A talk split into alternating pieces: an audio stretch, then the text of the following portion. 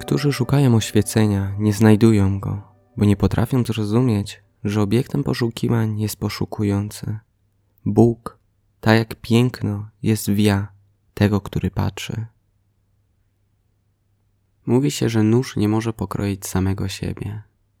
Oko nie może zobaczyć samego siebie.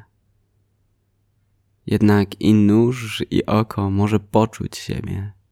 Może w pełni połączyć się i poczuć pełną jedność, połączenie z tym, co jest. Nie chcę, abyś przestał poszukiwać, bo poszukiwania doprowadzą cię tam, gdzie tego pragniesz. Chcę tylko zwrócić Twoją uwagę na to, gdzie szukasz. I nie przestawaj. To jest czasami jak szukanie kluczy.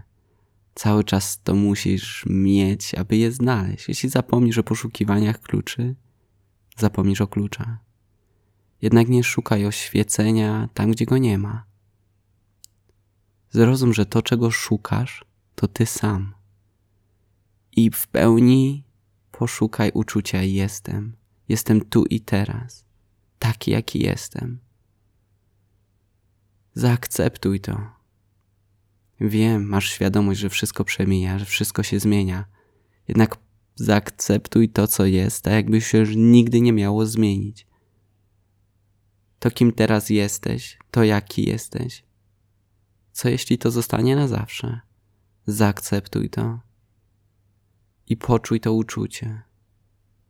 Poczuj poszukującego, głodnego, buntującego się. Weź głęboki wdech, wydech i poczuj tego, który bierze wdech. I poczuj tego, który zauważa wydech.